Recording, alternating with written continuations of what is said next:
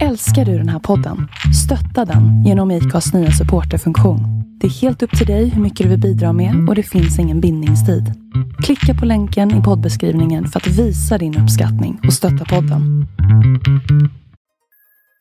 Välkommen till podcasten Retail Initiative.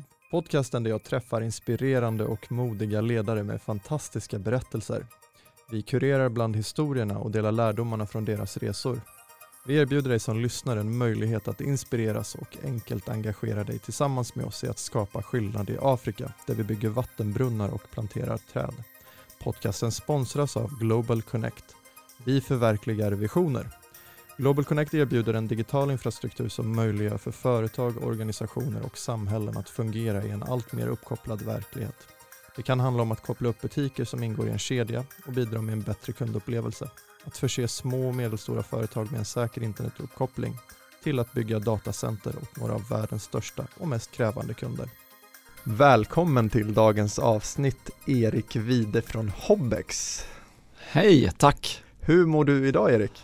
Idag mår jag fantastisk. Eh, fantastiskt, och det gör man väl varje dag.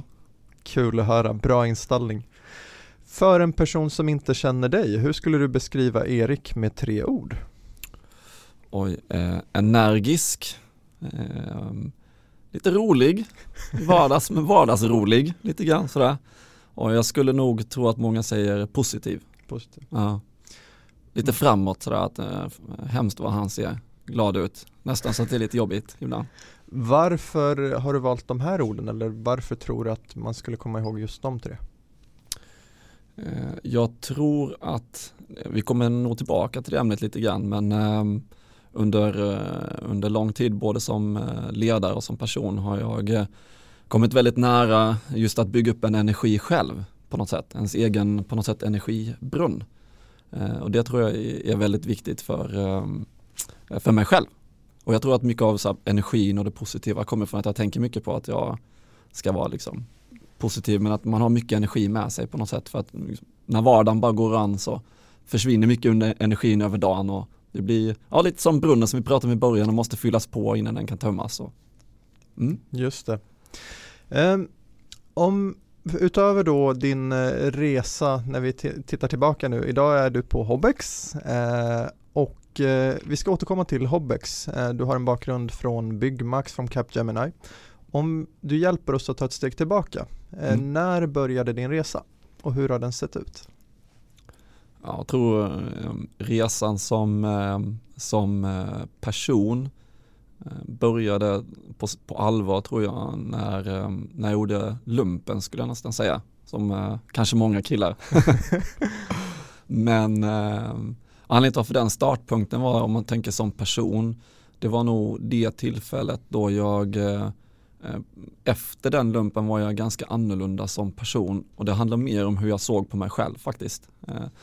Därav varför jag skulle liksom uppmanas att få chansen att göra lumpen och så skulle man göra det så sa jag efteråt så här typ alla, alla, skick, alla unga, bara skicka alla ungarna in i lumpen tänkte jag.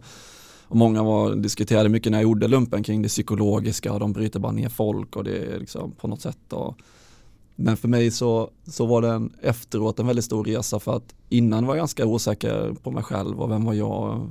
Jag gjorde mycket för alla andra på något sätt. Man ville vara snäll mot alla andra, man ville vara ja, älskad av alla på något sätt eller omtyckt av alla i skolan och sådär men eh, efter lumpen så tänkte jag så här fan jag är ett skön snubbe alltså att vara med och om inte andra vill vara med mig äh, då kan ju de vara med någon annan eh, då hittar jag bara någon annan att hänga med på något sätt för att jag mm. vet om att jag är en eh, schysst snubbe så, eh, så det var ju eh, en stor lärdom för mig själv personligen som, som har gjort att eh, mitt liv har berikats mycket mer efter det.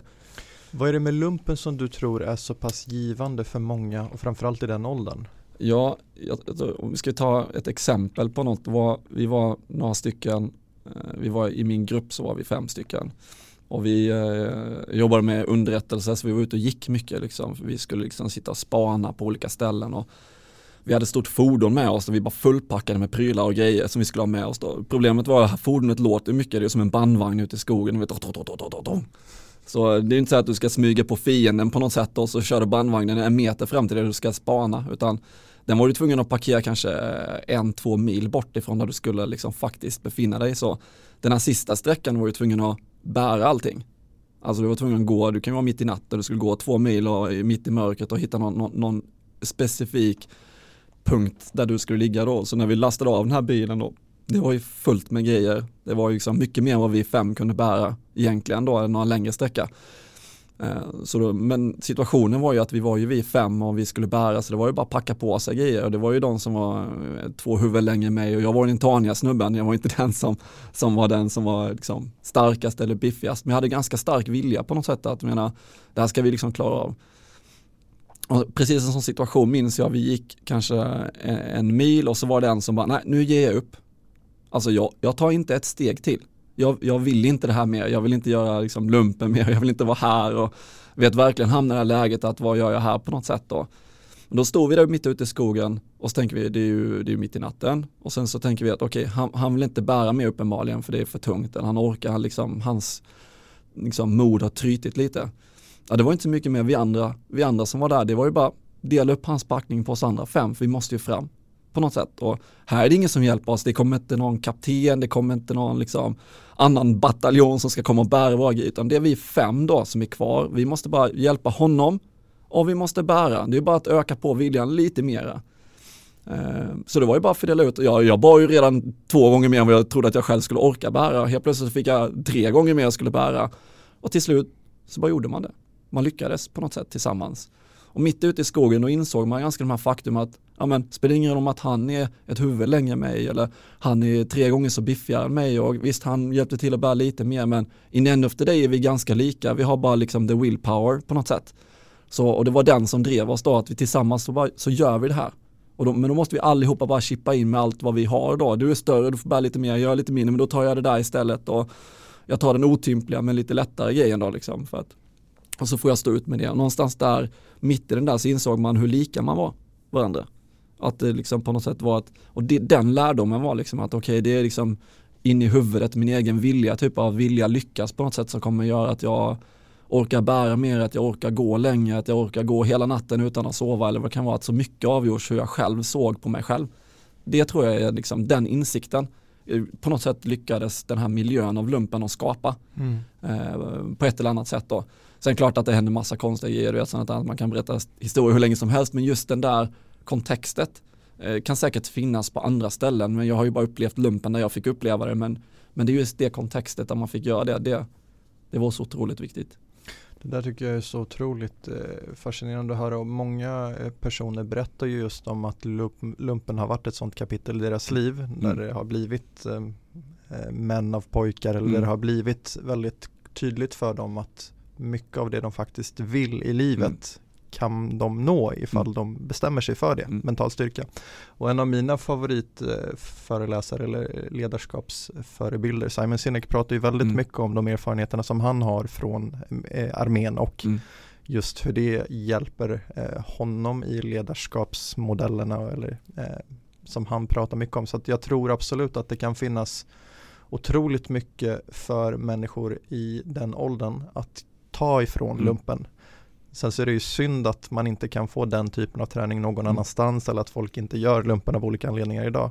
Mm. Uh, men det är väldigt kul att höra dig beskriva mm. vilken effekt det gav dig. Man kan ju tänka sig, tar du, tar du armén, jag lyssnar på en annan föreläsare som pratade om sin tid som, eh, det, var någon hög, någon hög sån här liksom rankad general och sånt där. För, Ja, och det var som intressant för att han gjorde en liknelse mot, mot företag och jag har liksom tagit med mig den mycket tankar kring just den här kontexten men också tydligheten som det finns inom det. Det finns ju inom arbetslivet och livet så finns det ju liksom många gråzoner, många beslut som kunde gå sig eller så. Och så där. Men för han så visar han bara liksom hur, hur ledarskapet såg ut. För om man bara tänker på hur ledarskapet såg ut så, han så, här, så visar han bild på tavlan så han, nu ska, här är min grupp, eh, han var liksom eh, satt i ett annat land, jag minns inte vilket land det var då, om det var någon trupp nere i Afghanistan eller han, han var där nere eller vad det nu var, vilket land det var. Och då sa han, här är ganska tydligt, här är jag, jag är längst fram, jag är ansvarig för alla de bakom mig. Ser ni alla de liksom, hundra som är bakom mig här liksom i det här, ja. Ser ni bakom mig, där står eh, han, han heter så här. Om jag dör eller jag går bort, jag är inkapabel att vara ledare, då är det han som är ledare. Då tar han om alla bakom honom och sen tredje ledet, då är det han, tjum, och så är det alla bakom. Och så frågar han mig, eller så frågar han alla oss som satt och lyssnade, Kan det bli tydligare här med vilka som är ledare för den här liksom, verksamheten och vad de har för ansvar? Ja, det var ju knäpptyst, det var ju så supertydligt, eller hur? Och så tänker man tillbaka till sin arbetsplats lite grann. Okej, okay, ja, mm. ja, vdn tänker man, jag har ju ansvar för hela bolagets ekonomi. Lite luddigt kanske, vad händer om han imorgon inte är kapabel att leda? Man kan bara inte det. Vem är då ledaren för den här verksamheten? Tror jag många, om du skulle gå runt och fråga folk på ett givet företag, säger, ja men han som är vd, han kan, imorgon så bara kan inte han leda längre. Vem tror du kommer leda den här skutan då? Vet du det som anställd, vet du inte det? Då tror jag du kommer få liksom, vet, om ens någon har ett svar. Och sen kan man titta ännu mer på sin, mindre, sin egen grupp då, eller jag som är ledare för mitt team då, till exempel. Eh, vad händer om jag inte kan leda imorgon? Vem vill jag ska leda då? Och hur vet de andra vem det är som kommer göra det? Finns det kanske en trygghet i att veta det redan nu? Att det finns en viss ordning? Jag menar fotbollslag, du har ju en, en tränare, absolut, leder ju laget, ute på planen så, så liksom, liksom dirigerar man, men du har alltid en kapten på planen. Ja men vem är din kapten i ditt lag kan man ju undra då. Mm. Det vill säga vem är, vem är det som är en uttalad kapten när du inte är på plats? Tränaren kan ju inte vara ute på planen i en fotbollsmatch och gapa utan han coachar ju liksom lagkaptenen innan och säger ja men jag vill se det här spelet, jag vill att vi är offensiva och jag vill att vi är ditt, ditt, ditt, ditt i fotboll till exempel. Ja, och sen så börjar matchen, sen så oftast då om inte den skriker tränare och då så sitter du, sitter du och tittar på. Sen så ute på planen är det upp till den där kaptenen att se till att man följer liksom hur man har bestämt man ska spela matchen. Mm. Det är ju inte tränaren som står där och gapar, det vill säga han vet chefen enligt the books på något sätt utan du är den här den är liksom mer informella, den typen av ledare som gruppen på något sätt har liksom är bekväm att jobba närmast, då är det dens uppgift. Jag tror mycket av analogin från liksom den tydliga ledarskaps skapar liksom en, en trygghet för många. Mm. Att, att liksom i situationer som händer så vet jag om det är hem och sen är det hem och sen så är det, ja men jag känner mig trygg med hela det här ledarskapet så jag, jag ska vinna matchen idag på något sätt. Eh, det där tycker jag är jätteintressant. Hur tänker du då kring eh, självledarskap och framförallt då om vi samtidigt blir tydligare som ledare? Hur balanserar vi det med att vi också bygger våra egna ledarförmågor? Ja, oh, det, här, det här självledarskap, det kan vi ha en egen podd om. Eh, eh, mycket av mitt egna ledarskap kommer ju från ett självledarskap eh, där Eh, ser hur många som kommer kommentera och säga att de håller med eller inte håller med sen. Men, men, eh, men jag tror att väldigt många mer människor är ansvariga för mycket mer kring sig själv och sitt egna beteende än vad många själva kanske tror idag. Det vill säga, jag, menar, jag kan ta ett, ett enkelt exempel kring som jag tycker är självledarskap som man kan fundera kring och det är att många tänker på att okej, okay, vad, vad är jag själv ansvarig för? Okej, okay, jag är ansvarig för såklart allt jag gör och jag är ansvarig för allt jag säger. Självklart, eller hur? Jag kan ju inte gå och säga obscena saker till folk utan att ta ansvar för det och gör jag saker och är dum mot någon eller vad det kan vara så är jag ansvarig för det. Sen finns det en tredje dimension som är den som många inte tänker på. Och det är att hur jag tänker, det ansvarar jag också för. Och det här tänkandet kan man tänka sig, det syns ju på många, på folk, eller hur? Så när du kommer till en arbetsplats och så tänker man att du, du verkar glad, du verkar heja, men man märker att den här personen tänker på något helt annat. Eller tänker att den här personen gillar inte jag eller den här vill jag undvika. Så Bara det tänkandet påverkar ens beteende. Mm. Det man också ansvarar för. Det tänkandet kan man göra ganska mycket åt. För det påverkar ens egna beteenden, vad man säger, vad man gör. Den dimensionen att man också ansvarar vad man tänker på. Det tror jag att många inte tänker på. Om jag vaknar på morgonen så tänker jag så här, oh, jag har inte sovit mycket alltså idag. Oj oj oj, idag blir det en riktig risig dag alltså. För jag, jag har inte sovit och då blir jag grinig. Och, och blir jag grinig kan inte jag göra någonting på jobbet. Och så vet man om det här, man har, man har inte sovit mycket och sen så kommer man till jobbet och sen så kommer de och bara, åh tjena tjena Janne, kul att du kom hit idag. Och bara, har jag pratat med mig idag. Nej, jag har inte sovit mycket idag och då vet du vad som händer med mig. Då, är jag, eh, då blir jag grinig. Okej. Okay. Okej, okay, säger jag. Ja, ja, hoppas det blir en bättre dag för dig då. Och så går han. Då har man precis påverkat den personen som troligen har en mindre rolig dag. Och man visste ju att man var grinig person. Kan man inte då bara välja att vara lite gladare då istället? Tänker jag. Nu är det så här ypperligt positiv eh, person men om man vet om att man blir grinig av att man inte har sovit då måste man också tänka att okej okay, om jag tänker att jag är grinig hela dagen och sen så går jag ut och då kan inte jag bara liksom det är inte okej okay på något sätt. Mm. Utan både vad jag gör, vad jag säger och hur jag tänker ansvar för. Alltså samma sekund jag går in på min arbetsplats, då kommer jag påverka en massa människor med de här tre sakerna och det är mitt ansvar. Det är inte så här, jag bara är sån. Nej. Och sen är inte det mitt ansvar längre. Det är alla andras ansvar att anpassa mig efter att jag bara är, är grinig när jag sover lite. Okej, okay. då ska de, vad ska de anpassa sig då? Nej, då, då är det bättre att du stannar hemma då skulle jag säga. Men mm. det, det för mig är det här självledarskapets essens kommer i det här att man, är, man har ansvar för ganska många saker för sig själv. Och om man då vet om att man, är, får man gå och lägga sig tidigare då och se till att man sover bättre då nästa dag. Det är ju inte någon annans problem utan då får man ju bara försöka ta igen det på något sätt och hitta sätt och, och hitta den positiva tänket i sig själv tror jag så kommer det följa med sig på något sätt. Det här med mental input och vad det då sedermera ger för output tycker jag är mm. otroligt eh, spännande. Eh, och framförallt då finns ju teorier kring, ja men när vi väl känner någonting mm. så, eh, så ger vi oss också själva och framförallt vår hjärna ett sätt att vara redan innan det har hänt. Um, um, som du säger, det där är ett ämne som vi skulle kunna, kunna mm. prata väldigt länge om. Vi kanske får återkomma just med specialavsnitt kring självledarskap. uh, om vi hoppar från militären då mm. um, till ditt nästa kapitel. Vad händer därefter? Mitt nästa kapitel, då var jag i, i universitetet och uh, fick valde att läsa något som heter rymdteknik. Tyckte det var spännande. Wow. Liksom. Ja, teknisk fysik mixat med liksom rymden och jag var superintresserad. Det var liksom mer ett intresse på något sätt jag hade av att det här man inte kunde utforska på något sätt i världen och så det fascinerade väldigt ganska mycket med mycket olösta frågor på något sätt och hur stor är världen och, och liksom och det är så oändligt på något sätt och hur kan man förhålla sig till det oändliga på något sätt så jag flyttade upp till Luleå av alla ställen, jag är från Halmstad från början tyckte det skulle vara exotiskt att se eh, andra delen av Sverige på något sätt. Jag hade bara varit i Stockholm några gånger. Så under den här tiden jag, jag pluggade, det var i efterlumpen, så jag kom in med superenergi kring mig själv. Typ, och jag, vet, eh, det var, jag hade jättekul. Mm. Jag träffade så otroligt många härliga människor som jag fortfarande känner har med mig i livet som, som har påverkat mig. Men det var en, en, en situation som, jag hade en, en, en, en kurs och så hade jag en, en lärare, för det här var i slutåren av min, min utbildning. Eh, jag bytte från rymdteknik och läste strategiskt arbete och företagsutveckling inom industriell ekonomi. Så det blev en helt annan grej, men jag ville liksom leda människor, jobba med människor, mm. så jag bytte inriktning då. Och, eh, och ledarskap och utveckling på något sätt av det. Och det är det jag håller på med fortfarande. Men då hade vi en kurs och då sa hon så här, hon som höll i den, Susanne, då sa Susanne så här att ja men nu är så att nu har jag lärt känna alla er i kursen. Och om ni vill då kan jag ge er liksom lite mer liksom hands-on feedback till hur jag upplever liksom er själva och era prestationer men framförallt er själva. För jag har ju liksom lärt känna er nu under de här kurserna som har varit och den här tiden som har varit så jag känner att jag har en ganska bra bild från min sida hur jag, hur jag ser på er. Eh, jag vill gärna dela med mig av det till er. Så, men ni får välja själva om ni vill det. Det är ett personligt samtal, det kanske tar en timma. Eh, och vill ni säga ni bara ja, vill ni inte så gör det ingenting. Det påverkar liksom inte kurs eller betyg. Det är bara utöver liksom det vanliga. Men jag vill bjuda på det på något sätt för att vi har kommit nära varandra, vi var i mindre grupper och sådär. Och så var det några såklart tror jag, som inte tog det och sen så var det såklart många som ville, ville göra det då. Men då sa hon, jag vill bara vara ärlig med jag kommer säga exakt vad jag tycker. Så, så det kommer vara ett ganska tufft samtal.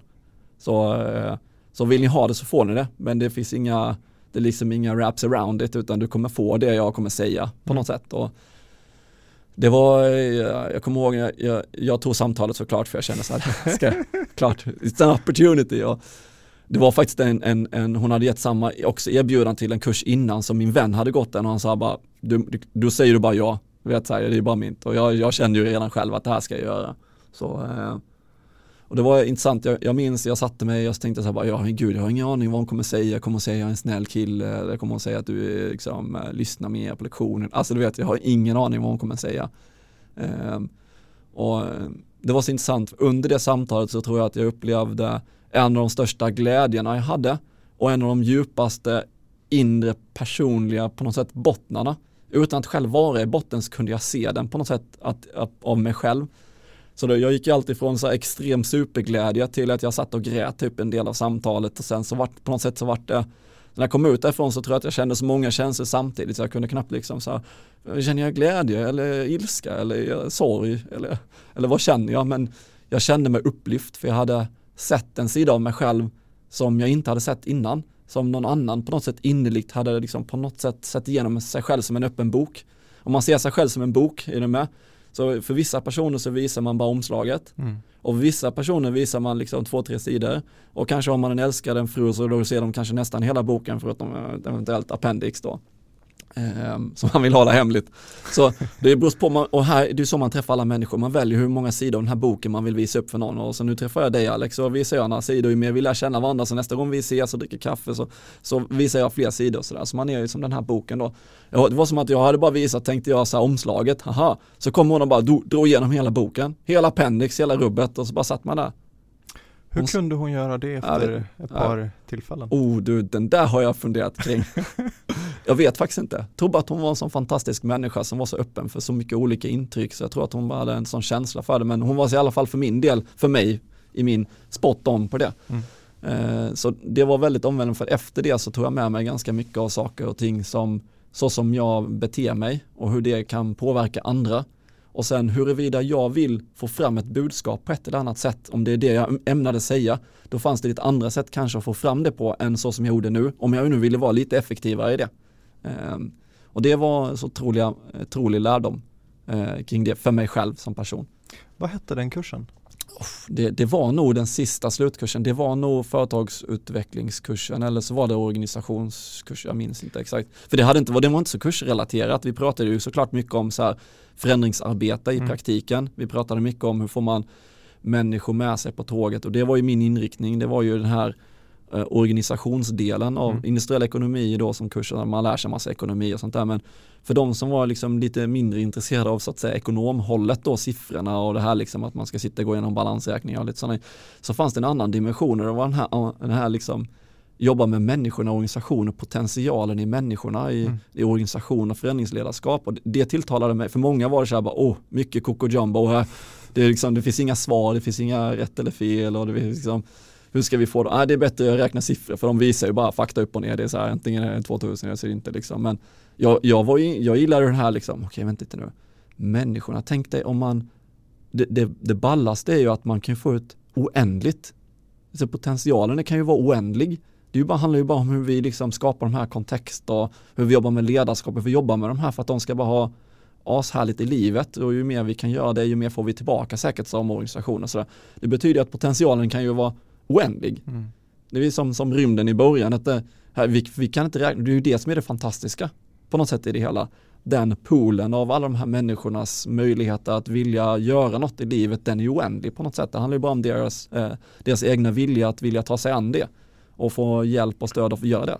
Och hitta de drivkrafterna. Och hitta de drivkrafterna och, och sådär. Det du beskriver för mig, det låter ju nästan lite som samma känsla man har när man går UGL. När man inser ja. att men det pendlar mellan att eh, väldig eufori och sen så inser man också att här står jag idag. Mm. Man kanske är en version som man ser mm. mycket potential i, snällt sagt.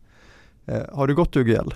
Jag har inte gått den, jag har gått en annan, eh, en annan som heter eh, VM-resan. Men eh, principiellt att fundera kring sig själv och sitt egna beteende och hur man kan få liksom, mycket av det i, i det. Jag gick VM-resan 2012 eh, och eh, fått med mig otroligt, det var det tredje kapitlet för övrigt. Bra övergång. vilken, vilken övergång. Eh, men men det, det gav ju mig väldigt mycket perspektiv kring det, men då, det var ju verkligen hur många sidor av boken eh, av sig själv vill man eh, läsa om? Det kan ju vara en fråga om man tänker tillbaka till analogin om boken och du pratar om att du visar boken för någon annan, men hur ofta läser du den boken själv? hur många sidor av den boken och hur långt bak vill du själv gå? Det är ju längre bak du går, ju jobbigare kommer resan vara, men jag tror ju mer insikter kommer man få om sig själv och kan berika sitt liv. Och ju mindre man gör det, då kan man ju såklart leva ett gott och härligt liv i alla fall. Men hur viktigt tror du det är att eh, kunna titta tillbaka i boken ibland och faktiskt eh, dra lärdomar än att bara gasa framåt? Ja, jätteviktigt. Det är ju eh, mycket av mitt ledarskap handlar om det. Jag är inte den ledaren som går in i, i rummet och sen så bara nu ska vi köra beslut och så bara tung, tung, tung, tung, tung, tung, tung och sen så ja men jag fakta, hej dong, hej den, hej den, utan jag är den som, jag lyssnar. Sen måste jag, jag måste reflektera. Ehm, och jag, det måste liksom in i hjärnan så mycket i mitt beslutsfattande, om man ska nu försöka processifiera mitt egna beslutsfattande, innefattar att jag har en stor respekt för min undermedvetna liksom, tuggande på något sätt som, jag, som inte själv jag har någon aning om. Så har jag ett problem till exempel som jag sitter och förnular kring så försöker jag först att förstå det. Alltså vad är det som händer och varför är det här ett problem egentligen så att jag har förstått problemet. När jag har förstått problemet så tror många att ah, nu har du förstått, nu kan du, boom, nu kör vi beslut på något sätt. Men jag inser att okej, okay, nu har jag förstått problemet så mycket att jag har fattat det. Men för att komma fram till vad man ska göra framåt, då, då krävs det en, eh, lite mer tid till det. Då brukar jag ta det här problemet, stoppa det åt sidan och göra något helt annat. Det kan vara ibland mitt i en, är det under en arbetsdag, då kan jag gå ut och gå en runda eller så går jag och jag kan titta på en serie en timme på något sätt. För att jag vet om att när jag fokuserar gärna på något helt annat, då jobbar mitt undermedvetna fortfarande med det där problemet. Och sen, det kan ta en dag, det kan ta en timma, ibland tar det två, tre dagar, helt plötsligt, bam, står i duschen, då bara kommer det tillbaka till en, just det där problemet jag tänkte på för två veckor sedan. För då, då på något sätt har det processerats och då kommer det ibland, oftast, kommer det lite olika så lösningar eller anspel eller kanske ett annat sätt att se problemet som jag inte såg första gången. Som sen leder mig in i nästa bana av tankeverksamhet och sådär. Mycket av den eh, respekten på något sätt för ens egna så att det krävs liksom det här att sova på natten på det, mm. det är många som säger det och jag tror att det är lite grann det jag, det jag beskriver lite grann men just det här att du, det här att det får liksom ens undermedvetna behöver tugga lite grann i det eh, för att nyttja hela ens potential, det, det tror jag det är en del av min liksom för, författande kring beslut och sånt där. Vad läckert att du säger det. Jag brukar parkera saker, jag tror mm. att det är lite samma eh, process. Eh, därefter om vi hoppar till eh, både egentligen Byggmax och Capgemini, mm. har jag mm. missat någonting emellan? Det har jag säkert. Nej, det är absolut rätt. Jag, jag hamnade ju i Stockholm av alla ställen där jag är idag med min familj och två, två döttrar och, och Anledningen var ju att jag eh, gick ju vidare, jag drevs av förändringsledarskapet. Så eh, jag fick ett exjobb i Stockholm som handlade om förändringsledarskap. Så eh, det var här var 2007, i slutet på 2007. Så det var jag fick följa ett förändringsprojekt, ett jätteförändringsprojekt. Det var liksom hela verksamheten, det var flera tusentals medarbetare om man hade gjort en sån här riktigt så här tradition, traditionellt liksom eh, ledarskaps eh, förändringsprojekt då. En konsultfirma var inne, hade jobbat upp så här tre steg som hela organisationen skulle gå igenom och eh, det hade pågått redan tror jag ett år så jag kom in liksom lite grann i sluttampen av det. Man, skulle liksom, man hade haft en eller två sådana här stormöten och man skulle precis ha det här sista tredje stormötet och jag fick äran att vara med på den och den här organisationen hade samlat alla olika liksom, eh, enheter och regioner och så på samma ställen runt om i Sverige då. Så eh, vi var på Kina teatern när vi hade det här tillfället då till exempel och samla, liksom, allting stod stilla i verksamheten. Så det var inte så att det var så att det var några som jobbade och sen så var det några som fick det utan det var så här, stopp, ingen jobbar, klockan nio, alla i Stockholm infinner sig i Kinateatern liksom, och i när, omnejd och Uppsala sådär. Alla som jobbade i södra Sverige de skulle åka in i Malmö tror jag till något ställe då för då skulle liksom vdn skulle prata ut genom någon videolänk ifrån Kinateatern och så, här, så det, det står helt, hela verksamheten står helt still i en dag då och så var det såklart hälften som grymtade om att det stod stilla och var mer sur över det liksom. Men eh, under den här resan så så fick jag komma väldigt nära just förändringsledarskapet. Eh, och, och en del av det utbildningen jag gjort och sådär men det var, det var så jag hamnade här i Stockholm. Och det var ju fantastiskt att se för jag mötte otroligt mycket perspektiv under det där exjobbet som handlade ganska mycket om hur man ser på förändring. Eh, både förändring och förbättring men i, grumt, i, i, i många delar så tänkte jag kring förändringsledarskap då att jag insåg att, aha vänta lite nu, böckerna säger att det har förändringsledaren, ja men det, nu var det vdn och sen är det konsulten liksom, tänker man så här. Medan när jag satt och tänkte så började mina hjul snurra ekorrhjul och tänkte jag så här bara, förändringsledare, men det är ju alla. Du, alla de här 2000 är ju förändringsledare, för man, de är ju ledare av sig själva också. Nu sitter de här och lyssnar på vdn, det förstår jag, och sen går de hem och så samlas de i sin region och sen kanske regionschefen pratar om, ja nu har ni hört vdn prata, nu ska vi göra kostnadsbesparingar eller vi ska liksom bli bäst i världen här. Och och det innebär att vi i regionen ska göra de här tre olika projekten idag för oss och så GP sådär. Ja, men sen så i slutändan så kommer den enskilda individen att gå ut ur det rummet och, och börja påverka en massa andra människor och sen liksom bidra till helheten. Då är den en förändringsledare också.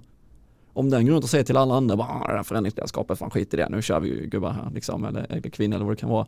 Ja men då har ju de redan mördat en stor del av den här förändringsbenägenheten liksom, och viljan som borde finnas i, i alla organisationer på något sätt. Och det tror jag, jag landar ganska mycket insikt i, men vänta lite nu. Och där, där föddes tror jag nog min, numera liksom mer djuprotad bild i självledarskapet. Att jag började pussla ihop de här bitarna. För jag menar gud, mina historier jag, vi pratade om precis, det, det fattade jag inte då. Utan jag har ju lagt ett pussel ganska mycket i efterhand när jag har tänkt tillbaka i min bok och bläddrat tillbaka så tänkte jag vänta lite nu, var fick jag den här idén ifrån och hänger den ihop med den här pusselbitarna på något sätt då. Så, eh, så det var den stora resan och det, det ledde mig in på Byggmax då där jag fick mitt, eh, mitt första jobb då. Um, Vad gjorde du på Byggmax? Ja, jag, ehm, jag fick en, eh, en, eh, en, en tjänst som eh, inköpsassistent faktiskt av alla, av alla grejer man kan göra som som för mig tänkte jag först, ja kul ett jobb, som många säger, jag har läst i fem år men oj gud, någon kom med ett jobb. Så att jag, jag, jag drevs av passionen som de här människorna var snarare än att rollen var inköpsassistent. Det var inte så att jag satt och tittade på hela liksom, vad gör en inköpsassistent och det fanns inte då utan man uppfann rollen när jag skulle börja utan och vad, vad håller man på med på inköp och sånt där utan när jag träffade de som var ledare för det vad de ville åstadkomma med Byggmax då eh, det här var bak till eh, då, eh, 2008 och man stod inför en, en lång resa framåt då. Nu vet jag mycket vad många var Byggmax har landat i och sådär men då var det ganska osäkert, eller så, man visste bara att man hade en stor tillväxt framför sig med att öppna massa butiker. Det fanns så mycket man ville göra och den entreprenöriella ådran ifrån de som var grundare, de tre som grundade Byggmax, den var liksom den var så, var så stark, det fanns så mycket entreprenöriell kraft i det. Så jag drevs liksom av att shit vilka, vilka underbara människor, hur mycket de här lyckas åstadkomma med så lite. Hur kan de åstadkomma så här mycket? Och, och, och oj, så här unga allihopa. Hur kan de åstadkomma allt det men vara så relativt få tyckte jag. Tänkte jag, det här måste det finnas någonting mellan väggarna och drivkraft och det vill jag lära mig liksom.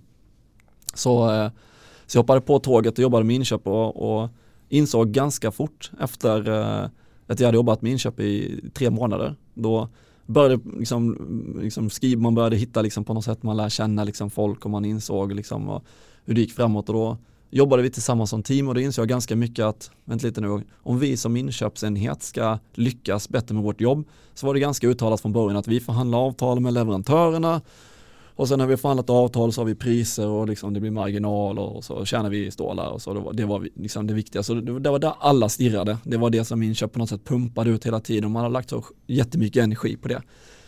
Men när jag började så insåg jag så ja vad bra, det verkar ju allihopa som var jätteintresserade och jobba med det. Men det var inte därför jag valde Byggmax för att jag ska sitta och räkna på marginal tänkte jag liksom. Utan jag började liksom, jag var ju inne i min värld av förändringsledarskapet som jag kom ifrån. Så jag började tänka på den dimensionen istället och tänka på, okej okay, vänta lite nu, vad, hur, gör, hur påverkar vi så att hela den här båten går framåt? Alltså hur påverkar inköp alla andra funktioner för att vi ska komma framåt?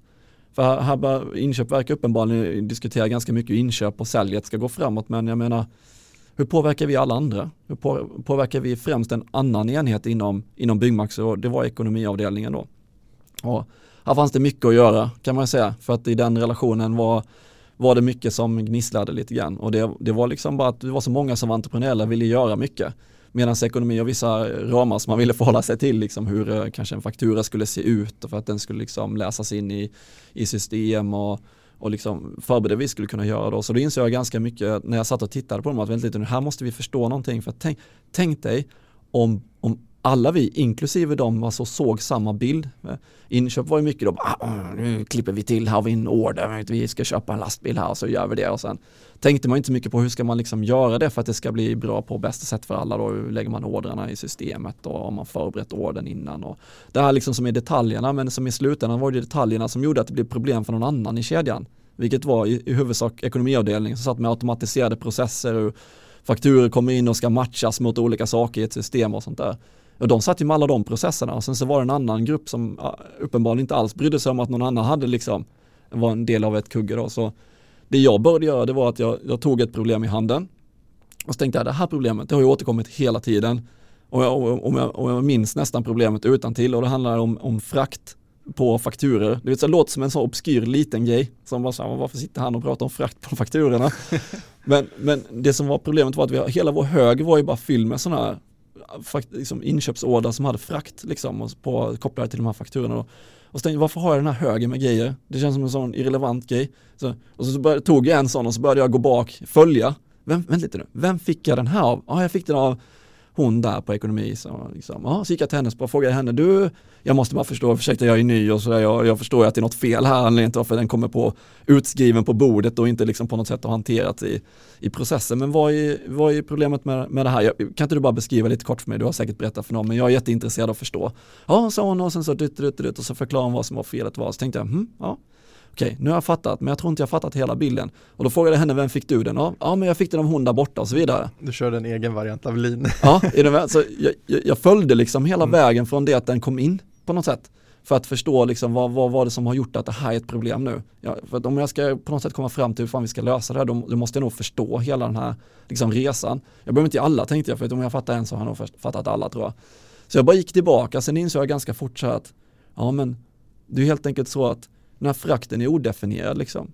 Den summan kan vara stor eller liten eller, eller så, och ibland så kom det frakt och pall då, vi sålde ju byggvaror och så kom ju produkter på pallar och det visste man inte i förväg hur många pallar liksom 350 säckar cement skulle komma på kanske och sådär. Vilket gjorde att de, de raderna på fakturorna var liksom odefinierade från början.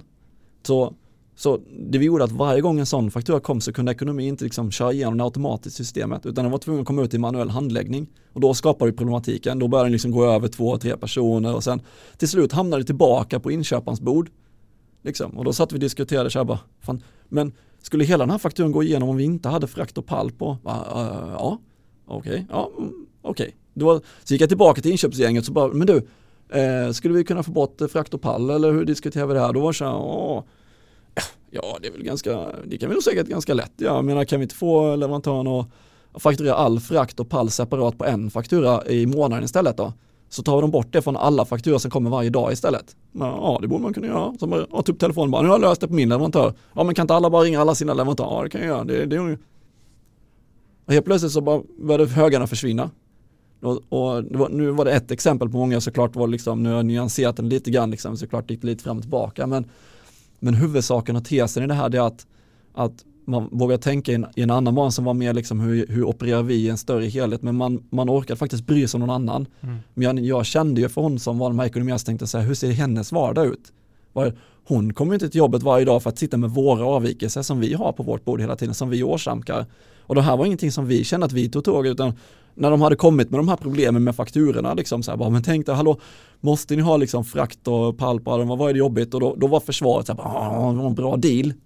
Det är ett bra pris på den här och så här, men det löser vi säkert någonstans någon gång så där. Så var det ingen som, och sen så attesterade man och sen så löste man det liksom. Men man löste liksom aldrig grundproblemet på det så. Så då kände jag så här, men det är ju lite respekt för den här ekonomin. De kommer inte till jobbet för att de ska sitta och liksom hålla på med de här grejerna utan de vill ju annat.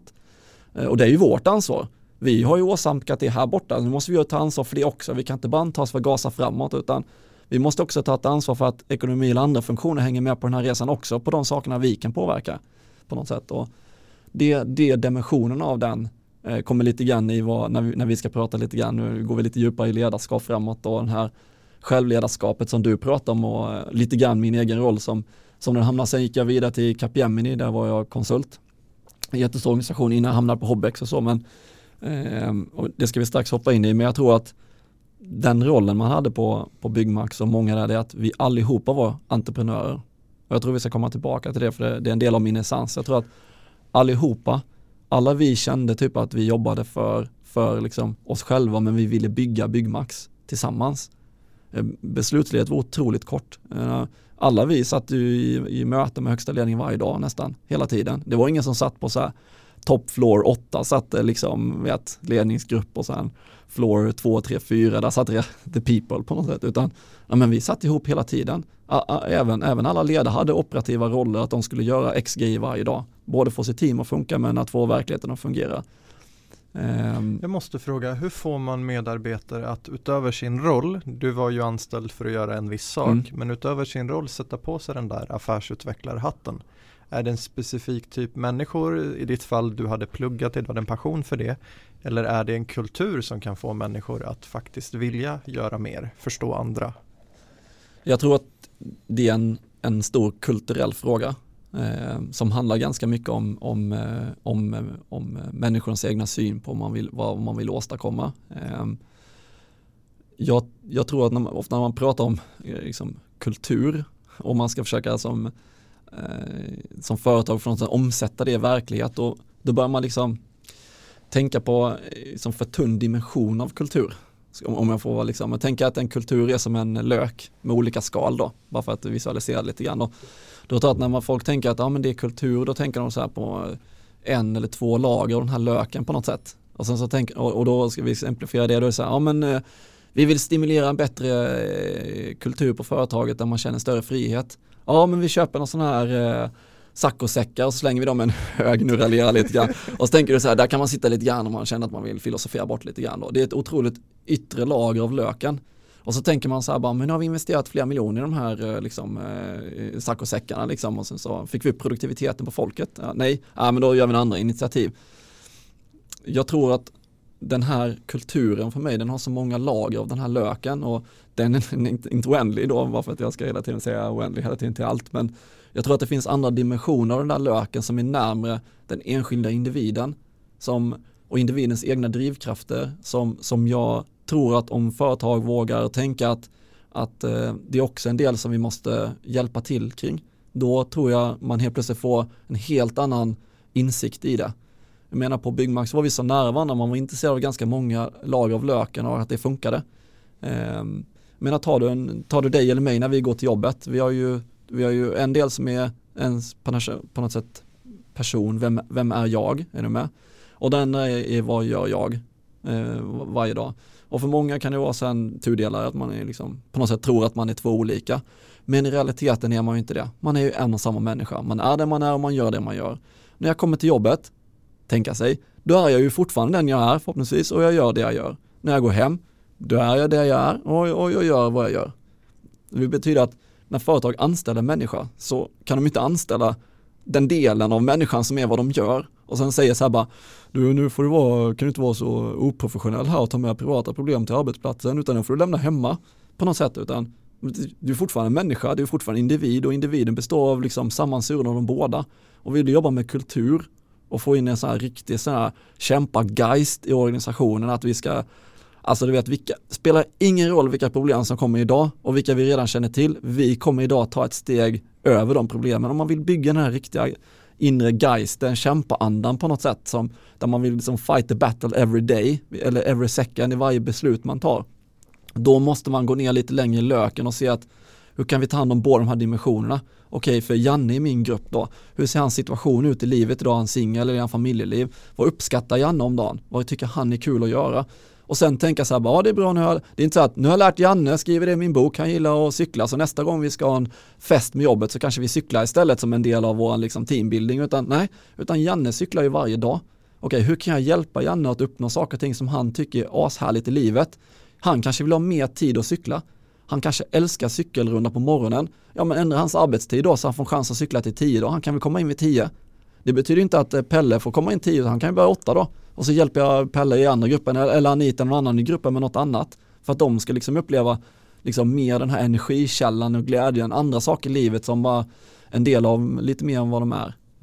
Mm. Um, och det tror jag om, om företag såg att, och vet lite nu, hur kan vi göra det? Då tror jag det behöver inte vara några miljoninvesteringar i det. Det handlar ju bara om synen man ser på sina anställda på något sätt.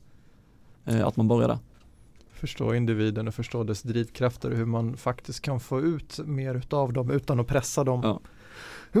Det är min syn, min syn. Då har jag nästan satt alla mina anställda, när jag började på Byggmax och jag var inköpsassistent och sen så fick jag chansen efter ett och ett halvt år att ta över team då, ett IT-team då, som CIO och IT-chef och då och från den dagen jag fick ansvar för det, då, jag var ganska ung ledare då, jag, bara, jag hade bara jobbat i ett och ett halvt år, helt plötsligt fick jag liksom tre anställda, jag kunde ingenting om några, liksom, fick ju lära mig allt efterhand, fick gå utbildningar och sådär. Men, men jag insåg ganska fort liksom att uh, det vi pratar om nu, om, om, det var att när jag träffade mina anställda så sa jag till dem liksom att okej, okay, fan vad härligt att du vill vara i mitt team, det, jag, jag älskar det, jag ska, liksom, jag ska göra massa saker för dig men jag vet ju om att du har precis liksom, kanske som jag börjat vår resa i livet och mitt jobb som ledare, det är att hjälpa dig på den resan i livet. Det vill säga att, och, och det, vill säga att det är ju större fråga än vad du ska åstadkomma här på Byggmax. Du vet, och det är inte så att jag vill hjälpa dig till nästa roll på Byggmax eller jag vill eh, hjälpa dig till nästa liksom, eh, lönehack liksom, hack eller, eller du vet, så här, eller vad det nu kan vara för någonting. Det kan såklart vara en del av deras resa men jag vill hjälpa dem att växa på något sätt i livet och liksom berika det. Och det betyder att för olika individer som jag hade samtal med så var det olika viktigt. För vissa var det lite mer arbetsfokuserat, de ville gå kurser och sånt där, ja då fick de det, absolut. Här. Men för vissa var det något annat, de kanske skulle bli pappa eller, eller funderade på liksom andra livsfrågor. Då, då satt jag i mina utvecklingssamtal, pratade vi om det istället. Vi satt inte och pratade liksom om hans eh, eller hens arbetsuppgifter i detalj utan den här människan kan jag hjälpa framåt på andra sätt som ledare genom att ha andra typer av dialoger och vara öppen för det. Skulle du säga att det där du precis beskriver, att det är skillnaden mellan att vara en ledare och att vara en chef? Mm, absolut. Ehm, och det tror jag, den synen ligger i grunden där. Jag menar, om jag kan få den här människan att liksom känna att de leder sig själva. Oh, vilken lärdom jag gett dem. Tänk om jag skulle få dem att bli lite gladare i livet kontra jag ger dem en kurs. Om inte det var kursen så gjorde de lite gladare i livet förstås. Än i dig så ger jag ju dem, om jag kan göra dem lite gladare i livet, det är ju så mycket mer tillbaka. Och för mig har det varit drivkraften, den energin jag får tillbaka. Att när man har gjort sådana saker, ibland små, det kan vara samtal eller man har gjort något extra för någon på något sätt. Och när man ser energin i ögonen på de anställda, de kommer nästa dag och så bara känner man att så här, det är en annan glöd i ögat, att nu minsann ska de bara liksom take on whatever it takes på något sätt. Då, då, då, då fylls ju min så här energibrunn upp till supermax igen. Och så tänker jag bara shit, okej okay, nu har jag super, hur kan jag dela med mig av den energin till någon annan, hur hjälper jag nästa? Och så boom, och så den energin man ser, det behöver de aldrig säga, det är kul om de säger det, men jag ser ju det på dem. Jag ser det på hur de tänker, för det smittar av sig. Jag behöver inte vara hur de gör och vad, och vad de säger, men när jag ser på att de tänker annorlunda nu, helt plötsligt, med en helt annan glöd i ögonen, äh, det, det räcker för mig. Då har jag liksom, då är jag supermaxad. um, och sen så då jobbade du på Capgemini och du jobbade primärt mot retail. Ja, exakt. Oh, en helt annan värld. Jag gick ju från ett mindre bolag som eh, som Byggmax då, vi, menar, i, i vårt IT-team och var vi när jag slutade sex stycken kanske och vi var väl 80 på huvudkontoret eller någonting och sen blev jag eh, IT-arkitekt då på, på Capgemini och sen blev jag konsult och konsultchef. Så, eh, men när jag började, det var en organisation som var enorm. Jag menar, okej, okay, Capgemini i Sverige då med, med tusentals anställda, men i världen var vi ju liksom 200 000 anställda. Så det var ju så här, jag kunde inte greppa hur många anställda det var från Byggmax. Det liksom hade varit med och skrivit nästan, vet, så här, nästan värdegrunden. Hade vi var med allihopa och var delaktiga. Vi var kanske 800 i hela bolaget. Så helt plötsligt var en organisation på 200 000. Så det var ju en abnorm resa typ att jag insåg ganska fort att här kan jag inte lära känna liksom, alla 200 000 så här får man ju liksom, eh, tänka lite annorlunda och så.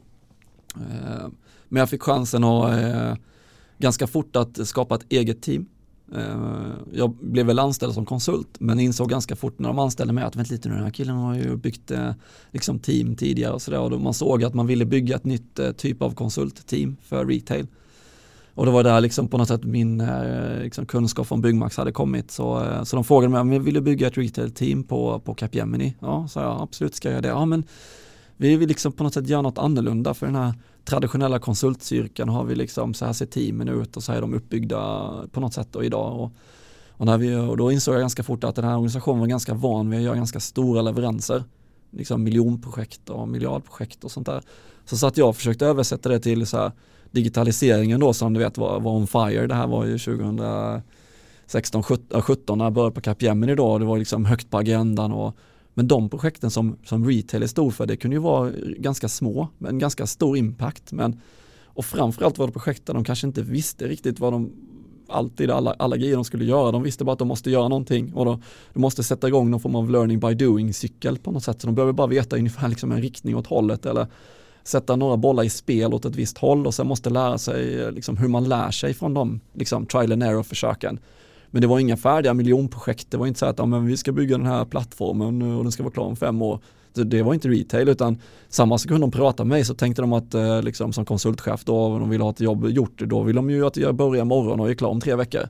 Det finns ju liksom ingen sån här RFQ och RFP-process som pågår i fyra veckor som ska sållas ut bland alla stora konsultbolag och sånt där. Så då insåg jag ganska fort att ska vi jobba mot, mot retail och detaljhandeln och jag ska bygga team för det, då måste jag ju försöka bygga ett team som passar den typen av angreppssätt.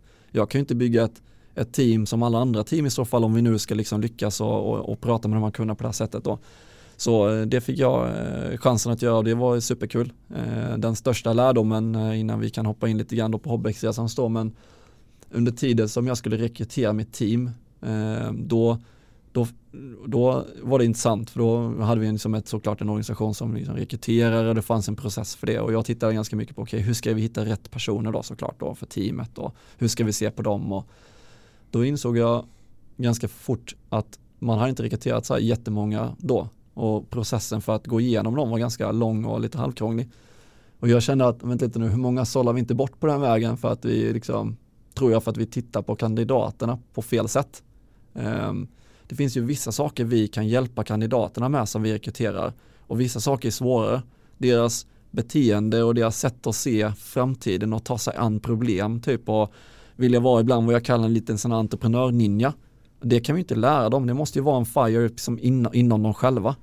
Däremot om de behöver kurs eller lära sig Salesforce eller de vill bli en DevOps-snubbe typ eller vad det nu kan vara för någonting. Det kan vi ju lära dem. Vi har ju hur mycket, hur mycket, hur mycket lärdomar som helst så det betyder att när vi rekryterar dem så kan vi inte sitta och titta på dem om de har alla de här certifikaten bara. Utan jag, jag var intresserad av den andra dimensionen. Mm. Så eh, när jag började liksom jobba med de här så att jag, jag får inga kandidater här för de sållar ju bort alla som jag tyckte så var härliga personer som, som, som kommer, eh, som kommer liksom vara helt fantastiska sen om vi bara lär dem någonting. Så jag fick eh, chansen att göra ett eget, ett, ett eget spår på något sätt och rekrytera mitt egna team. Och satte mina egna sätt på hur jag ville se kandidaterna. Då var det hur många människor som helst jag kunde anställa egentligen. Eh, det var bara angreppssättet, liksom. Mm. jag, jag försökte tolka det då när vi satt och pratade om det som, som glasögonen som man har på sig. Okay. De där glasögonen man tar på sig kan man ju bestämma själv hur man vill, vad man vill se på något sätt. Och det är klart att tar jag på mig ett par glasögon och ser jag någonting, och tar på mig ett annat och ser någonting annat. Så jag försökte säga typ att det handlar om att vi bara tar på oss ett par andra glasögon när jag tittar på den här kandidaten. Ja men ta den här tjejen eller killen till exempel. Ja den här tjejen eller killen är ju helt fantastisk. Titta på allt den här personen har uppnått på rätt kort tid och hon verkar ju jättemålmedveten och jättedriven och sånt där. Men de kan ju ingenting om Salesforce på något sätt men vill ju gärna lära sig för de tycker liksom e-handel och e-commerce verkar skitroligt.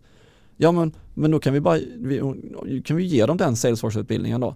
Men, och så tittar jag och så frågar man tjejen eller killen så frågar, vad var det för löneanspråk? idag. ja, det här si eller så. Så pratar ja men du vet vad, jag kan ge dig den här pusselbiten. På, på den här lönenivån då blir du den här typen av konsult och då lär jag det allt andra som jag ser på dig det, det kommer du att, liksom att lära dig för jag vet om att om de har den här drivkraften de har den här liksom, de har lyckats åstadkomma massa olika saker i livet, de har lärt sig kurser, de har hoppat fallskärmar, vad det nu kan vara för någonting i livet, inte bara jobb. Så då inser man ganska fort att om jag ger dem en utbildning, de kommer bara svälja den och tio gånger till.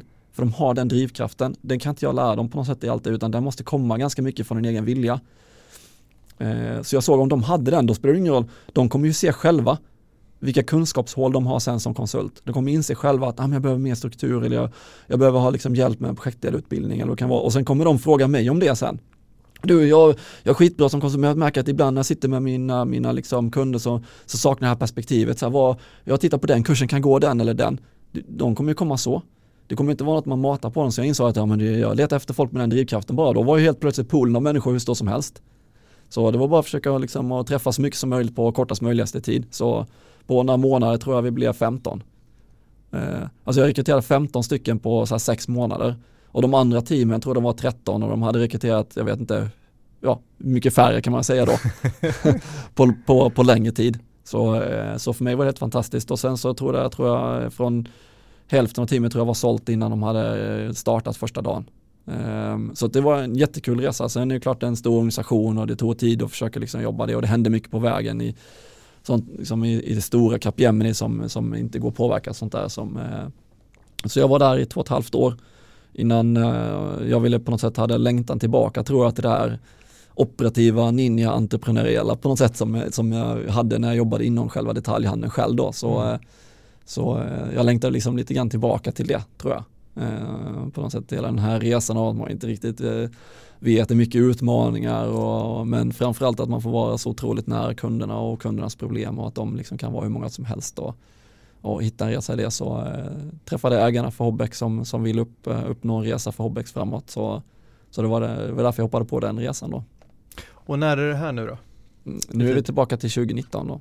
Så eh, i, eh, i, jag började i augusti 2019 eh, och eh, Hobbex känner ju många till. Det har ju varit en lång resa. Bolaget grundades ju 1961 och man har väl varit i affären om att ha på något sätt något roligt eh, jättelänge. Man hade ju liksom, liksom tusentals produkter, Det är ju så många minns Hobbex. Man hade liksom, det var ju förgrundan och nere i Borås och det var liksom förgrundan till e-handeln och det var, det var ju den här postorderverksamheten och Eh, jag försökte fråga mina döttrar som är 10-8 om de vet vad postorder är, du vet det är ju som en blank. Och så försöker man förklara att man skickar in ett papper med en beställning, de bara, uh, är det en app? Bara, Nej, det är ett papper. Alltså du vet, som folk skrev.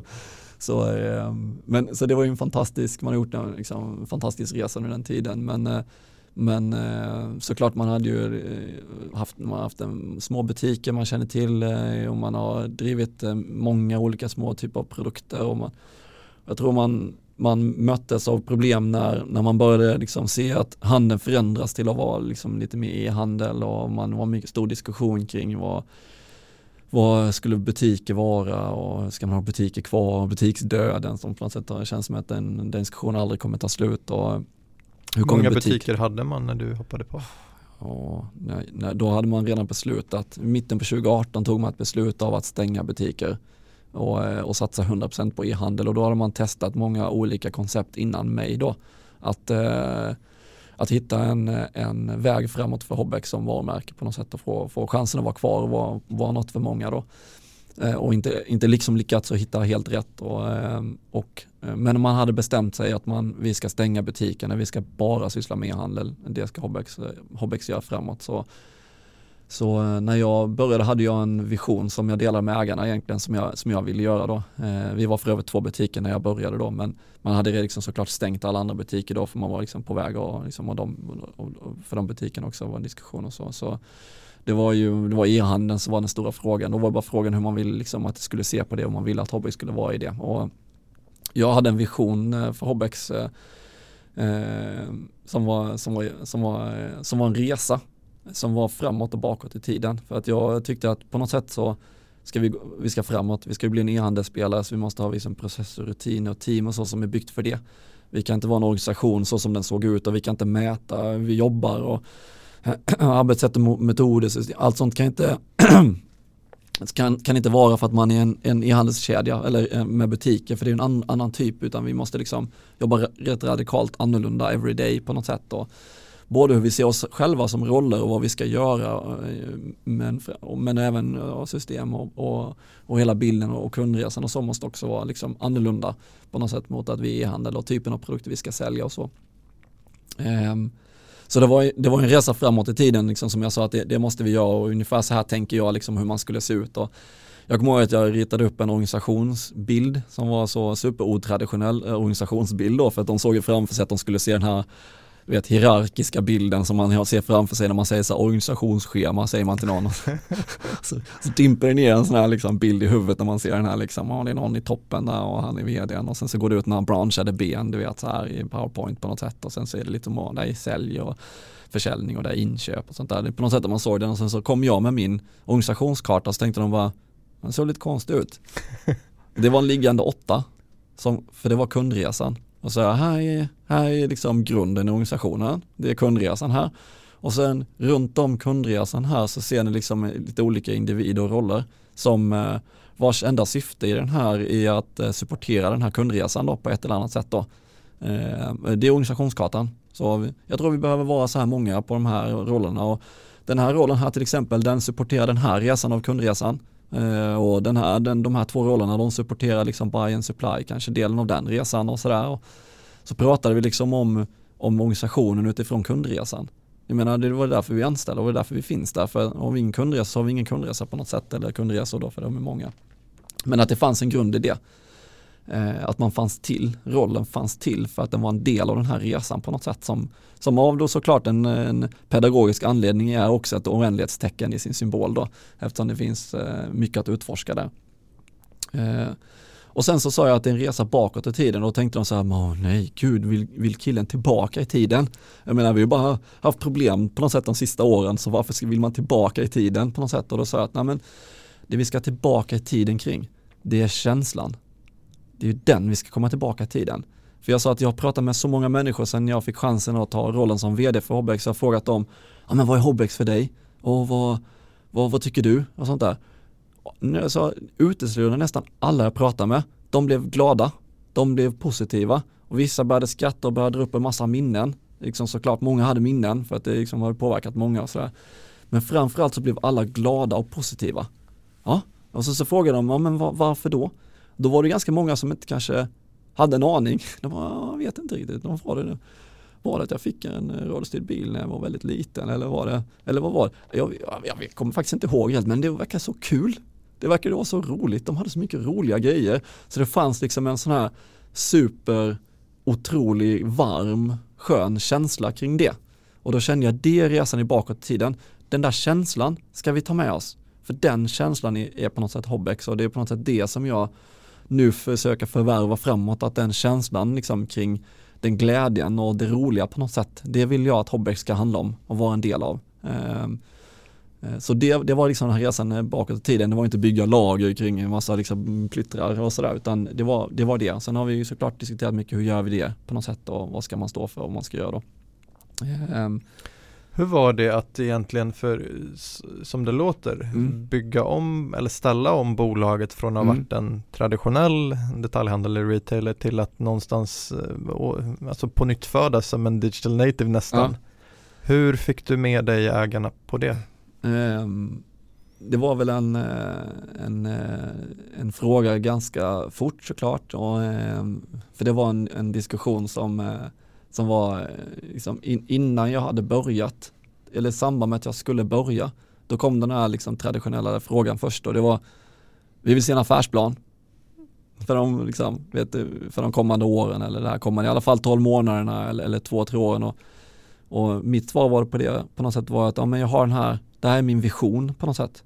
Men mer konkretiserat så här, det, det kan jag inte ge dig nu utan jag måste bara kavla upp armarna och så måste jag in i gröten och så måste vi köra lite. För när, när, när, jag, när vi har kört lite, då kommer vi ha så tusen insikter som kommer liksom göra liksom alla affärsplaner oavsett hur lång eller kort perspektiv man vill se på dem supermycket mer relevanta.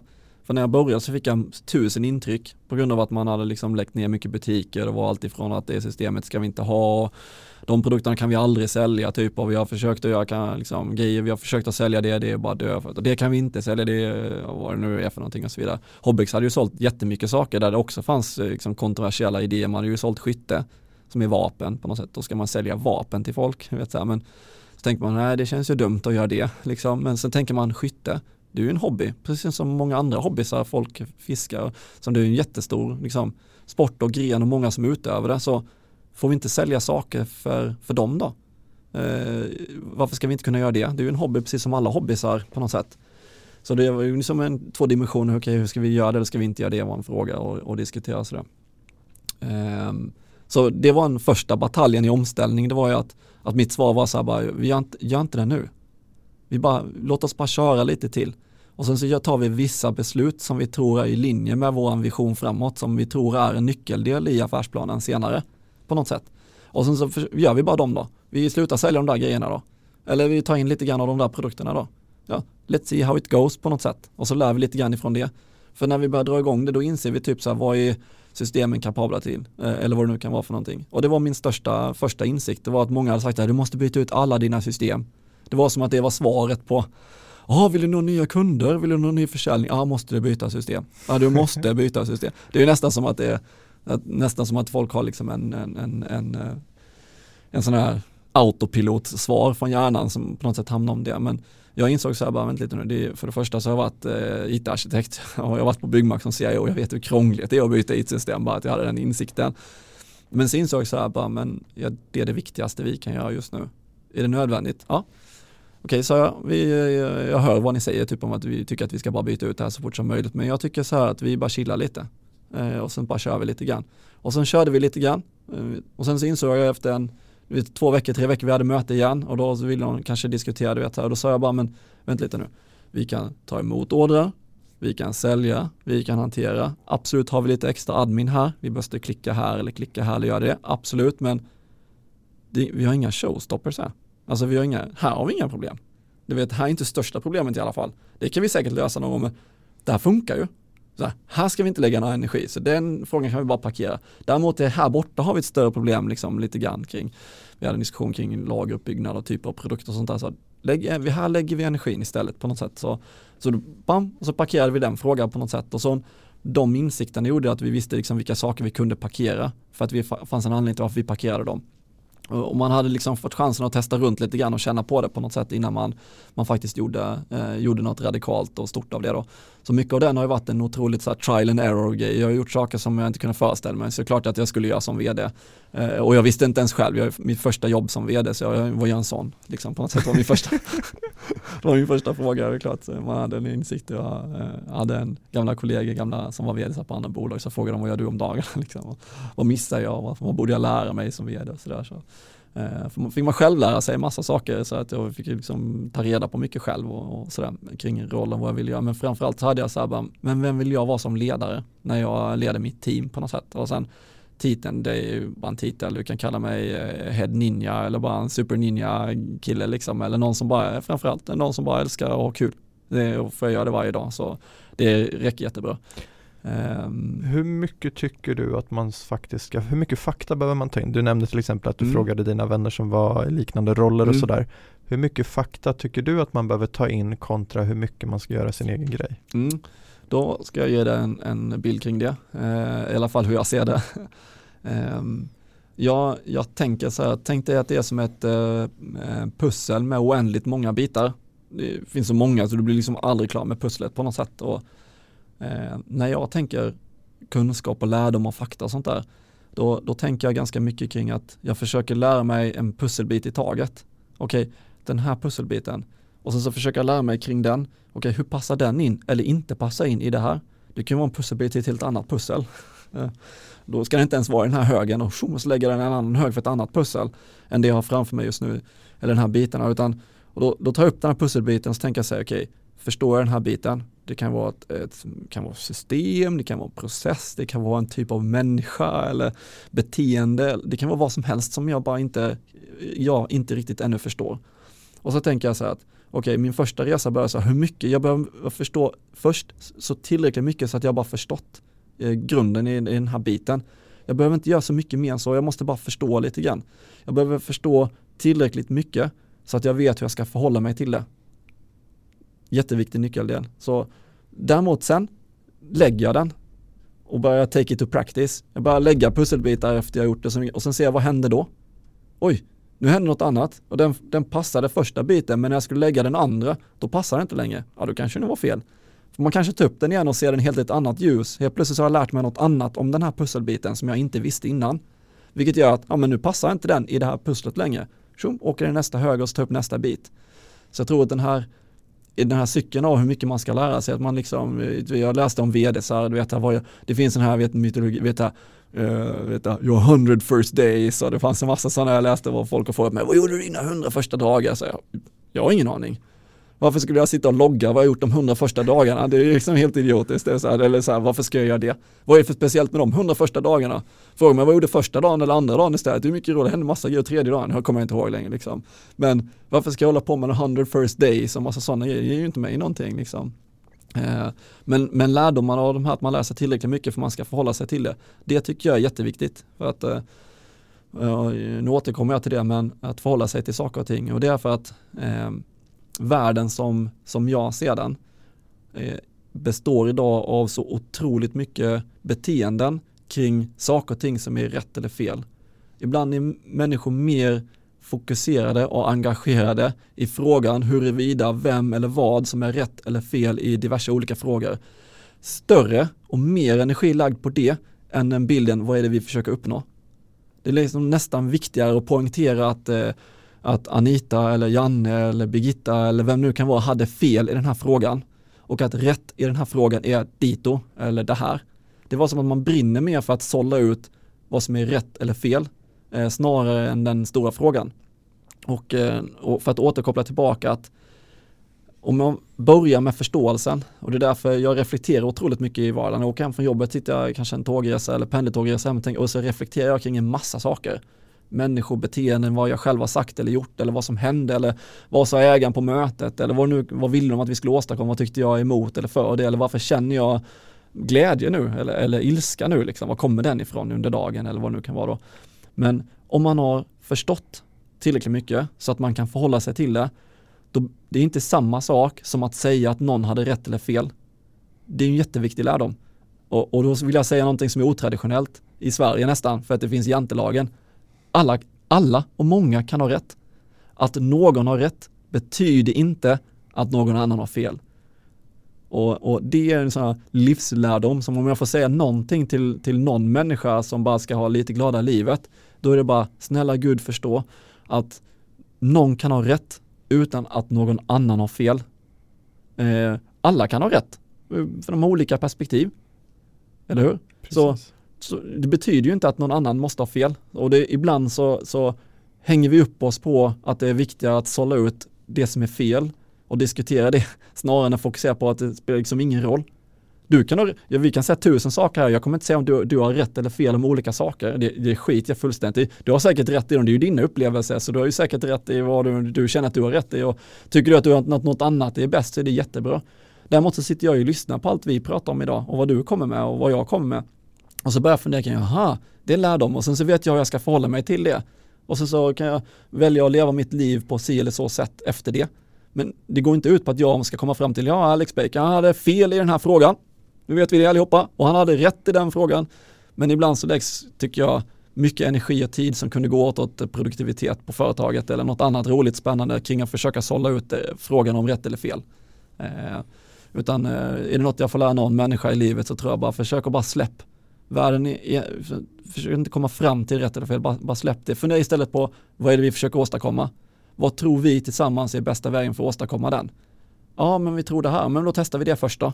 Och sen eh, om inte det funkar då så kan vi väl testa det här. Det betyder inte att den första var rätt och den andra var fel. Det betyder bara att vi beslutat om att vi ska testa första grejen och den andra grejen, det är inte en rätt eller fel fråga överhuvudtaget.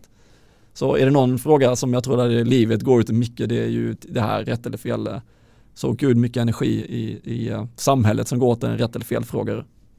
Du är på någonting där som, som jag tänker mycket på själv. Um, just den här um, viljan att ha rätt. Mm. Viljan att uh, andra ska uppfatta saker från ens egna perspektiv. Uh, jag själv när jag kommer till insikten att det spelar inget, egentligen ingen roll vilken väg vi tar om man tänker på en arbetsplats. Så, så länge vi delar samma vision, så länge vi också någonstans har byggt ett förtroende för varandra mm. så kan vi testa tio olika saker. Att kunna släppa prestigen. Jag tror det handlar, vi går tillbaka egentligen vare sig vi vill eller inte till självledarskap. Mm. Ifall det är viktigare att saker och ting sker på mitt sätt, på mina villkor, mm. så som jag tycker är bäst. Eller om det faktiskt är att en konstant resa. Mm. Vad kan vara bäst för situationen? Oavsett den som gav idén, oavsett vad det faktiskt betyder i det korta. Så det du nämner är eh, någonting som jag tycker är, um, det är kanske inte riktigt enligt Jante, men det känns som att för mig att Jante blir, eh, framförallt de människorna som jag träffar som jag tycker eh, gör mycket gott eller mm. har en skillnad, gör en impact. Mm. Väldigt få av dem bryr sig så mycket om vad andra tycker och tänker, mm. utan man har valt att hitta ett eget sätt, en egen väg att gå. Man har valt att eh, tycka om kanske fel, men man har valt att respektera sig själv mm. och vilja utvecklas. Mm. Men jag tar bara ordet, tar ordet respekt för mig, det handlar bara om, det handlar om en, en, en kort beskrivning av det för mig. Det är ju att se, lyssna och försöka förstå. Så det, det är översättning av respekt för mig. Det är inte så bara att man, man måste älska alla på det sättet och så, utan det är bara att man ska göra sin, sin, sin egen, sin egen liksom uppgift, att bara försöka förstå så mycket som möjligt som jag kan av det. Och ju mer jag förstår om saker och ting, om min eh, fru, mina barn eller situation eller beteende, ju, ju mer jag förstår av det, ju mer kan jag på bästa sätt för mig själv förhålla mig till det. Och, och, när jag förhåller mig till det så som jag själv känner i, i, liksom i mitt hjärta rätt, då kommer jag må så sjukt grymt. Det vill säga om Jante och anledningen till varför vi drar upp den och det handlar om, i grunden kanske inte all, alla frågor om det är rätt eller fel, det är väl den här att man känner att man ibland inte får vara asgrym. Man, man är grym, alltså alla mitt team är grymma. Är, eh, både som personer och människor och det de åstadkommer, det de gör, de är asgrymma på, eh, på massa saker. Eh, och det, får de, det måste ju de få vara. Men i Sverige så finns det liksom på något sätt den här jante att du får inte säga och göra att du är asgrym. För när du säger och gör det, då är det som att du säger att någon annan inte är det. Är du med? Precis som rätt eller fel frågan, vilket är, varför inte? Alla kan ju vara asgrymma och alla är ju asgrymma. Det, det betyder ju inte att någon måste ta liksom på något sätt eh, fall, eh, fallflaggan på något sätt, utan vadå, eh, hon är ju asgrym och hon är asgrym och han är asgrym och han är asgrym. Alla, alla de här är grymma. De är superduktiga, klart de ska få vara stolta och glada över det och, och få uttrycka det bara för att de får göra det och uttrycka det betyder ju inte att någon annan idol, det betyder ju bara att de är asgrymma, men då, den andra är också asgrym. Alla är det. Och det tror jag är det jag eh, tycker är jobbigast med Jante, det är som att det är förbjudet därmed för att man inte vill att någon ska känna att, man är, att någon annan blivit sämre så får inte någon säga att man kan vara stolt eller glad över sitt team eller uttrycka det på olika saker och ting utan det måste liksom på något sätt så här, det får teamet göra själva på sina egna teamaktiviteter och lite grann sådär. Ibland tar man upp ett exempel och viftar en flagga och sådär. Men kan inte alla bara för varje dag bara vara stolta över glada och uttrycka det på något sätt. Eh, eh, och sen är det helt bara underförstått i kultur för företag så att det betyder ju bara att, eh, att alla vi är grymma. Det är ju ingen som är mindre grym. Alla är ju grymma på, och jag, tänk, och jag tänker att eh, om man bestämmer sig själv för att inte låta Jante påverka en så som med allt annat, du styr ju själv vad du vill ta in och acceptera. Ja. Om man tänker på förmågan att lära nytt eller lära om, Erik, eh, mm. hur är reskilling viktigt för dig? Jag tycker att det är eh, superviktigt. Jag skulle säga eh, att den här entreprenörskänslan av att eh, känna att man kan mycket mer än bara sin egna roll. Den tror jag kommer in i reskilling every day. Jag tror att reskilling det är inte en one time thing. Reskilling är någonting som du måste hålla på med hela tiden. Alla vi behöver ju reskilla, särskilt inom retail där det händer så mycket hela tiden. Så eh, ingen one time off utan eh, reskilling för mig det är något som man gör varje dag. Ett mindset snarare än faktisk Absolut. handling. Ja. ja. Um, vad är de mest värdefulla lärdomarna från din resa hittills? Från ett entreprenöriellt, entreprenöriellt perspektiv? Um, från ett entreprenöriellt, jag tror att försöka se uh, de olika pusselbitarna, att försöka verkligen att förstå innan man gör. Så eh, ta tid att försöka förstå och tänka lite och sen när man gör, då gör man. Så att det inte blir en stor mix av eh, tänka lite grann och göra lite grann bara hela tiden utan eh, försök verkligen förstå och när du har förstått någonting, sen gör du och när du har gjort, då går du tillbaka igen och försöker förstå vad händer nu när vi gjorde så. Aha, det här eller det här. Ja, då gör vi igen eller ändrar vi lite grann och så går vi tillbaka, sen gör vi bara. Så eh, att man hittar den cykeln i att försöka förstå, tänka och sen gör man och sen går man tillbaka igen. Um, när det gäller att lösa kundens eh, behov eller problem beroende på hur man väljer att se det, eh, vad är din filosofi när det gäller att skapa ekosystem och samarbeten med andra aktörer? Eh, min bild av det är att jag tror att företag ska tänka att kunder har olika problem. Vi tillsammans med andra, vi hjälps åt att försöka lösa det problemet och problemen kan vara komplexa och de kan vara enkla, vilket betyder att vi kanske inte är de enda som löser problemet. Byggmax säljer ju inte borrmaskiner utan vi säljer ju möjligheten att ha och eh, liksom från Byggmax sida då eh, det är att de behöver ett hål i väggen eh, på ett eller annat sätt. Så hur kan vi hjälpa kunden att få ett hål i väggen på det sättet som den skulle vilja ha det? Eller på Hobbex till exempel, vi säljer ju roliga radiostyrda bilar och sådär. Så vi säljer liksom bilar och drönare och sånt där. Men det vi säljer är att vi vill att folk ska ha kul i vardagen. Att det inte är något sånt du gör bara på helgerna utan du kan göra det varje dag. Vi vill bara att folk ska ha lite roligare och bygga upp en energipool av det. Så vi är in the business of uh, selling fun på något sätt till uh, så många människor vi bara kan. Um. Och förstår man det så inser man ju också att vilka är mina konkurrenter? Vad är det som kunden faktiskt överväger när de tänker på oss kontra andra? Ja, ja ibland konkurrent eller varför ser man inte det som en samarbetspartner då? Beror ju på vad problemet är. Exakt. Um, när det gäller exponentiell teknologi, uh, vad fascinerar dig mest? Vilken teknik i synnerhet tycker du är spännande?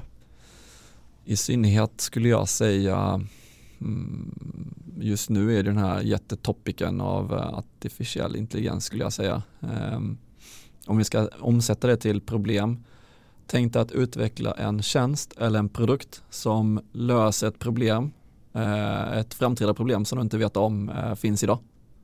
Fast du har gjort någonting som kan förutspå vad det problemet kan tänka sig vara och hitta lösning själv. Ehm, det är ju rätt eh, så här, mind, mind-blowing när man börjar tänka på att det är, det är det själva produkten är egentligen. Att man har byggt någonting som själv kan förutspå vad nästa problem är. Det är inte så att vi har matat det med tio fördefinierade problem och så är det de de löser. Så oj nu dök det upp ett elfte problem och så nu måste vi lära den elfte problemet. Utan tänk om den skulle själv, vi lär dem tio. Sen kommer den lära sig själv tio andra baserat på de tio eller 20 eller 30 eller 50 andra och, och dessutom inte bara lära sig problemet, hitta en lösning på det utan att vi hade behövt mata dem med det. Tänk dig vilken learning vi fick tillbaka av de andra 30 som den kom på, till exempel som, eh, som människor. Um, hur skulle du säga att artificiell intelligens specifikt för din bransch, på vilket sätt tror du att den kommer att påverka er bransch än mer? Ehm, jag skulle säga liksom i den här komplementet, jag skulle säga att i att försöka förstå kundresor, kundproblem, de utmaningar att det finns en mycket mer komplexa dimension av att förstå en annan människa än vad andra människor bara själva kan komma på. Som kundresor idag, för många är för, eh, nu kommer jag säkert få 30 samtal efter men personas, det är dött. Alltså, ni som sitter nu och tittar så framför sig att de har en persona framför sig med Göran 59 år som gillar att handla och sen så har vi Birgitta som är liksom har ni sådana bilder, guds skull ta upp dem, riv pappret, släng dem. Ja, för mig är det så, personas är dött för att det är för enkel dimension av en människa. Eh, människa som är i en kundresa, de är i olika steg i livet. Det, det finns en beteendefråga bakom, det är ju de ni ska lära er i samband med de situationerna.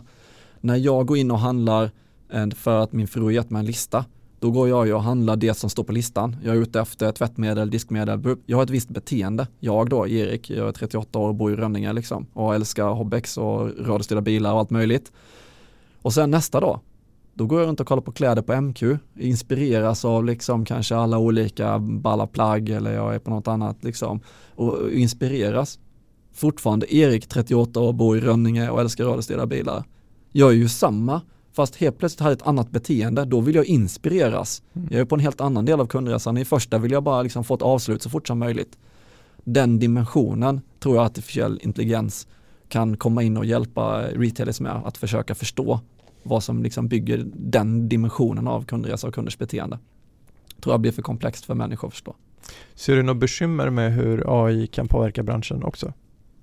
Ja, jag tror att det finns bekymret skulle jag säga är att eh, det är eh, teknik på ett plan som är, liksom, är väldigt utmanande för människan. Det kan ju liksom skapa saker som är smartare än människan. Och då tror jag att det finns ett eh, en förhållningssätt till det. Att eh, risken är att eh, ledare, företag, organisationer som försöker liksom, take it to practice inte riktigt förstår hur man ska förhålla sig till den tekniken då tror till exempel kanske att eh, ja, nu ska AI ersätta den här avdelningen.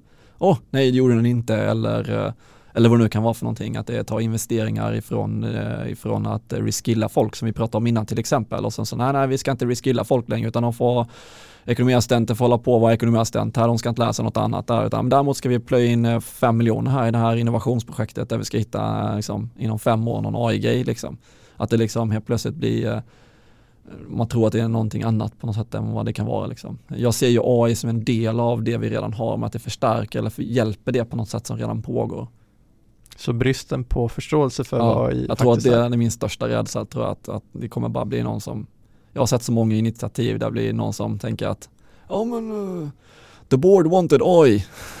lite grann, jag raljerar lite grann, men du vet så här, någon ville säga, ja men här, släng ut, här, vi, vi, vi bara gör lite AI-grejer så här. Sen, jag menar tänk dig machine learning som har pågått, jag vet inte hur många decades man har hållit på med machine learning. Sen helt plötsligt när de börjar diskutera AI, då kommer det upp så här bara machine learning, så här bara oh, vad ballt!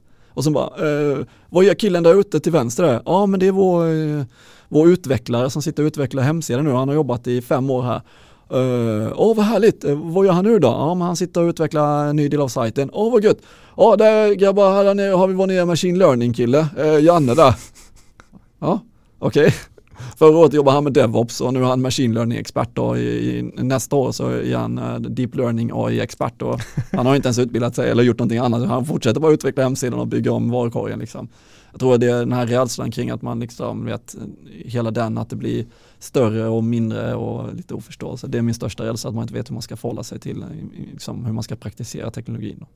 Det är ju livsfarligt när man eh, kanske inte har samma förståelse för vad orden faktiskt betyder och där man är för snabb för att anamma eh, de här nya teknologierna på ett ytligt plan mm. än att faktiskt förstå vilket värde de mm. ger organisationen. Precis. Och just den här rädslan att det faktiskt ska ta över hela mm. avdelningar mm. eller att det ska konkurrera ut bolaget. Så att de cirkulerar kring liksom att vi, vi finns, varför finns bolaget? Jo men vi finns för att vi löser något problem för kunden. Det är ju grundgrejen i det hela, om vi får hålla oss till det som vår ledmantra. Och varje dag är det någonting vi ska prata om varje dag.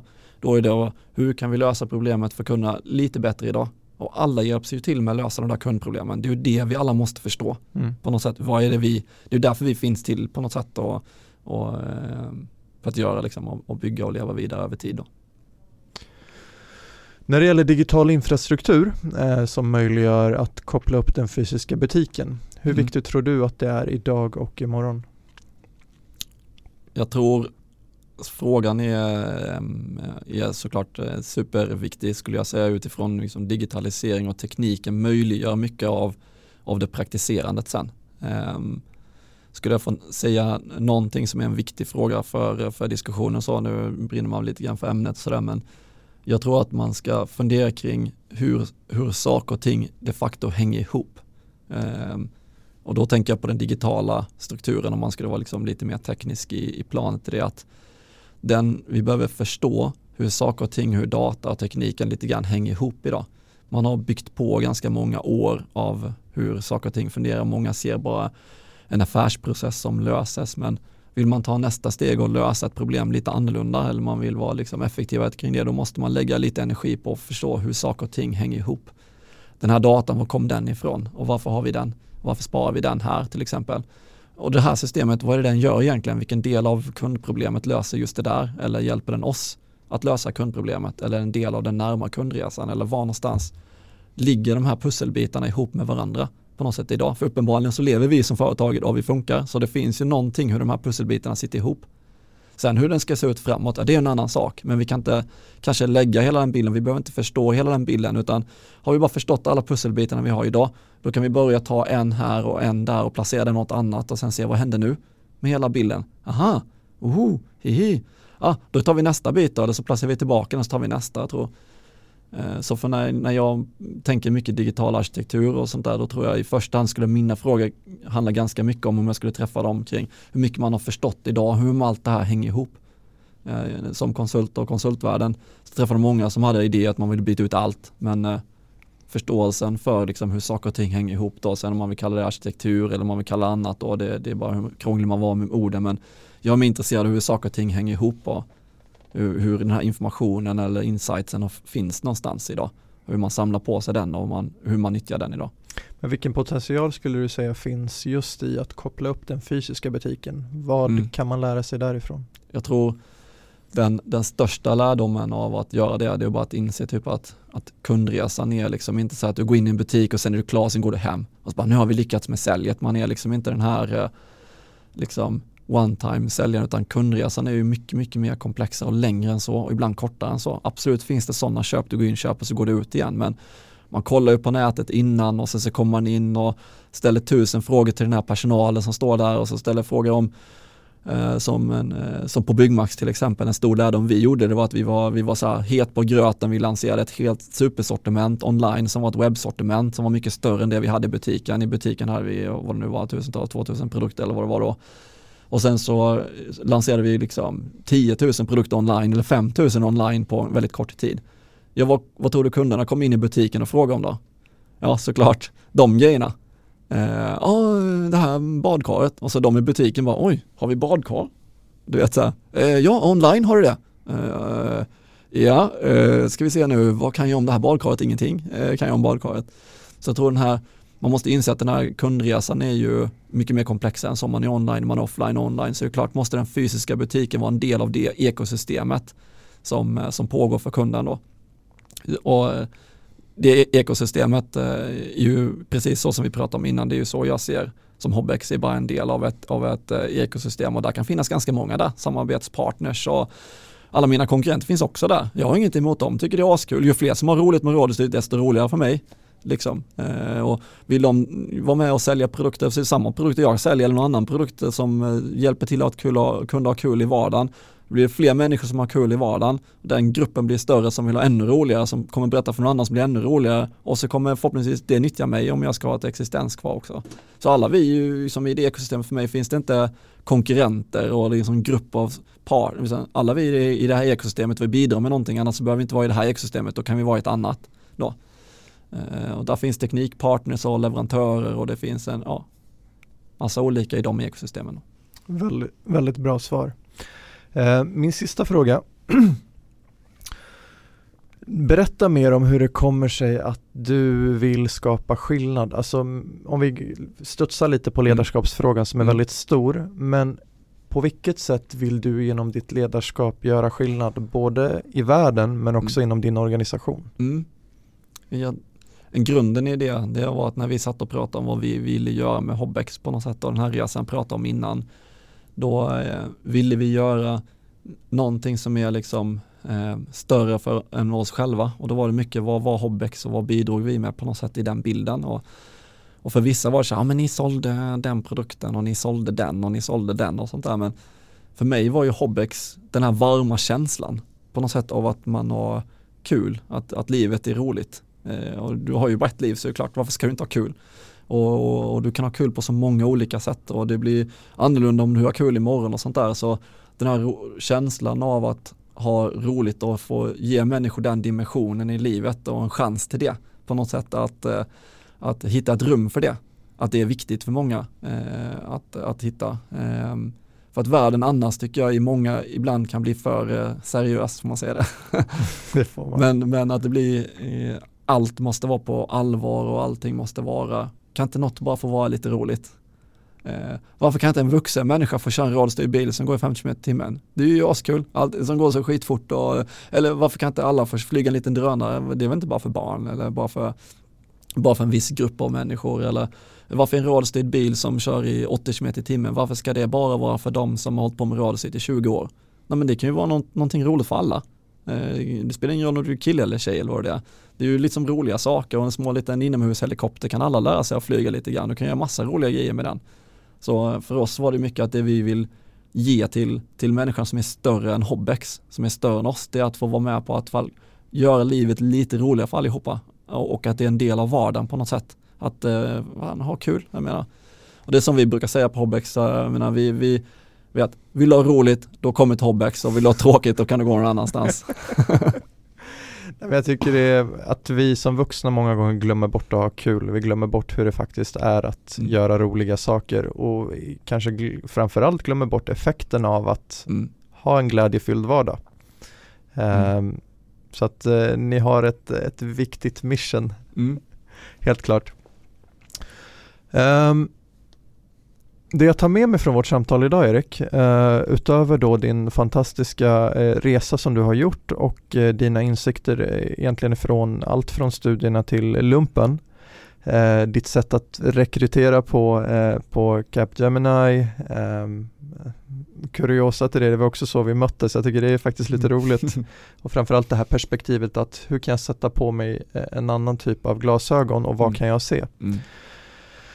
Eh, och eh, därefter nu det ni gör på Hobbex, eh, den omställningen är ju eh, helt rätt i tiden. Eh, jag tänker att man antingen då som traditionell retailer eh, får bestämma sig för att hur ska vi ta fighten, hur ska vi faktiskt överleva, ska vi överleva på vilka premisser och att mm, på nytt föda sig själv eller att egentligen ställa om helt och hållet och börja i andra änden.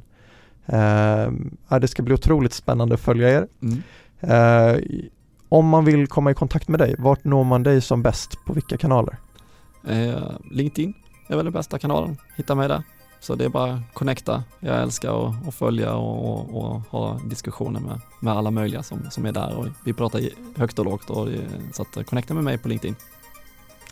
Strålande. Jag får tacka dig så mycket för idag. Tack. Du har lyssnat på Retail Initiative Podcasten sponsras av Global Connect. Vi förverkligar visioner.